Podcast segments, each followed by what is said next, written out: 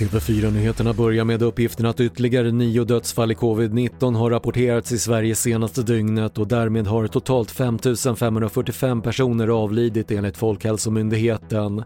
Och mer om det här kan du se på TV4 Play.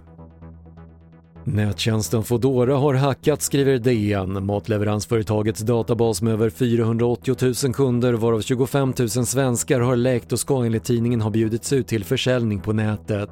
Namn, adresser och telefonnummer ska ha läckt ut men inte lösenord. Åtta personer har anhållits efter en insats i Borås igår kopplad till två skjutningar i början av juli. De är misstänkta för grovt vapenbrott och grovt olaga hot men enligt polisen kan rubriceringarna komma att ändras och man utesluter inte fler gripanden.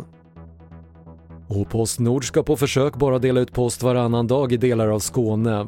Projektet dras igång i september och faller det väl ut breddas det vid årsskiftet till hela Skåne, Stockholm och Göteborg. Men försöket berör inte paketleveranser, expressbrev eller brev till postboxar. Det var det senaste från TV4 Nyheterna. Jag heter Patrik Lindström.